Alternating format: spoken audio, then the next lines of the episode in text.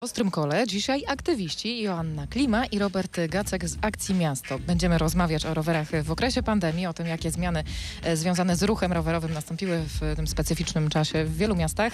No i zastanowimy się, czy u nas podobne rozwiązania byłyby możliwe. E, Najpierw jednak temat lokalny, wrocławski, e, który budzi emocje. Plac Orląt Lwowskich. Droga rowerowa pomiędzy pasami samochodowymi została tam wytyczona. Plac Orląt Lwowskich jest już otwarty. Jechaliście tamtędy? Tak. E, Jechałem niestety. Ten odcinek jest akurat moją drogą do pracy.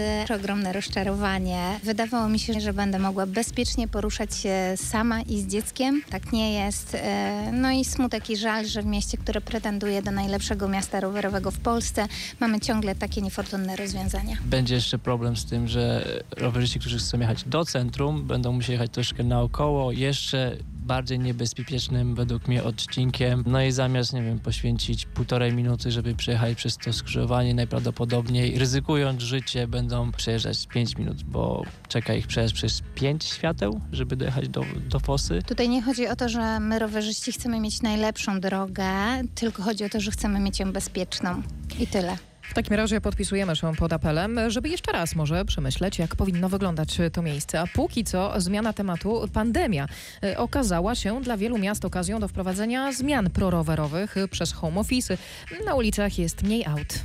Myślę, że miasta można podzielić tutaj na, na dwie, dwie grupy. Jedna grupa to jest taka, która już wcześniej planowała zmiany prorowerowe, ale polityczna e, atmosfera w danym mieście nie, pozwalała zrobić takich zmian e, w momencie, kiedy jest pełen ruch aut na ulicach. W momencie, kiedy ruch spada nam drastycznie do, o dwie, dwie trzecie, tak jak było we Wrocławiu mniej więcej, mamy przejście do tego, żeby bardzo szybko wprowadzić bardzo oczekiwane zmiany, które najprawdopodobniej na początku nie będą przynosić aż tak wielkiej kryty- krytyki, ale i też mieszkańcom będzie do nich o wiele łatwiej dostosować. No, wiele miast zrobiło tego typu inwestycje, ró- różnie to się nazywa, chyba we Francji covidówki to nazwali, w Berlinie pop-upy, czyli takie wyskakujące trasy rowerowe. Główna intencja jest taka, że zabieramy pas jezdni autom tam, gdzie są dwa albo trzy pasy jezdni, tak? Czyli samochody dalej mogą przejechać, a y, tą przestrzeń, którą uzyskujemy, przeznaczamy właśnie na trasy rowerowe.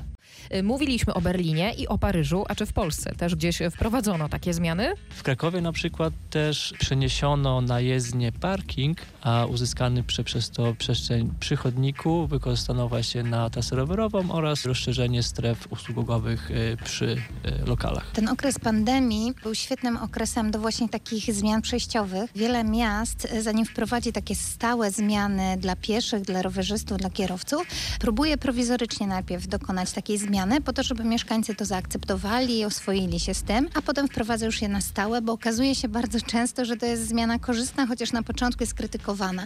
No i właśnie pandemia dla wielu miast europejskich okazała się takim momentem do wykorzystania. Raptem zrobiło się pusto, komunikacja miejska nie dała możliwości przemieszczania się tylu osobom, ile chciały, bo były ograniczenia pandemiczne, więc można było w tym momencie wykorzystać i narysować te prowizoryczne drogi, które potem rzeczywiście po takich konsultacjach społecznych, czyli wykorzystaniu ich po okresie zamknięcia nas w domach, mogły przejść już do zmian trwałych, no ale tutaj trzeba było odważnych decyzji, przede wszystkim politycznych w mieście. Przykład jest chyba fajny z Berlina. Miasto wprowadziło właśnie na początku epidemii z 27-30 kilometrów tras, powiedzmy jak u nas na ulicy Hallera. Trzy pasy jezdni w niektórych miejscach. Ruch rowerowy w ciągu dwóch miesięcy skoczył tak, że radni zdecydowali, że te trasy najprawdopodobniej zostaną. Niestety staraliśmy się, żeby w Wrocławiu podobne trasy wprowadzić. No niestety odpowiedź miasta była zerowa albo niewielka. E, Rower w pandemii ma wiele zalet. Podam przykład. Ja na swoim osiedlu byłam kurierem rowerowym przy szyciu maseczek. Uszyliśmy prawie 4000 maseczek i ja jedna na rowerze krążyłam między mieszkankami. Nie wiem, czy zamawiali Państwo podczas lockdownu jedzenie, ale jestem pewien, że na 90% y, te jedzenie zostało dostarczone na rowerach. We Francji zastosowano jeszcze bardzo fajny program. Dajemy mieszkańcom 50 euro na naprawę jego roweru. Intencja była taka, że całe te pieniądze po prostu zostaną przeznaczone na serwisy w danym mieście, czyli dla lokalnego biznesu. Pierwsza pula rozeszła się w ciągu tygodnia. O miliony euro zwi- zwiększono tą pulę. Ponad 300 tysięcy osób skorzystało. Może, może tego typu programy kiedyś u nas też się pojawią. Oby trzymamy kciuki. Gośćmi Ostrego Koła byli aktywiści z Akcji Miasto Joanna Klima i Robert Gacek.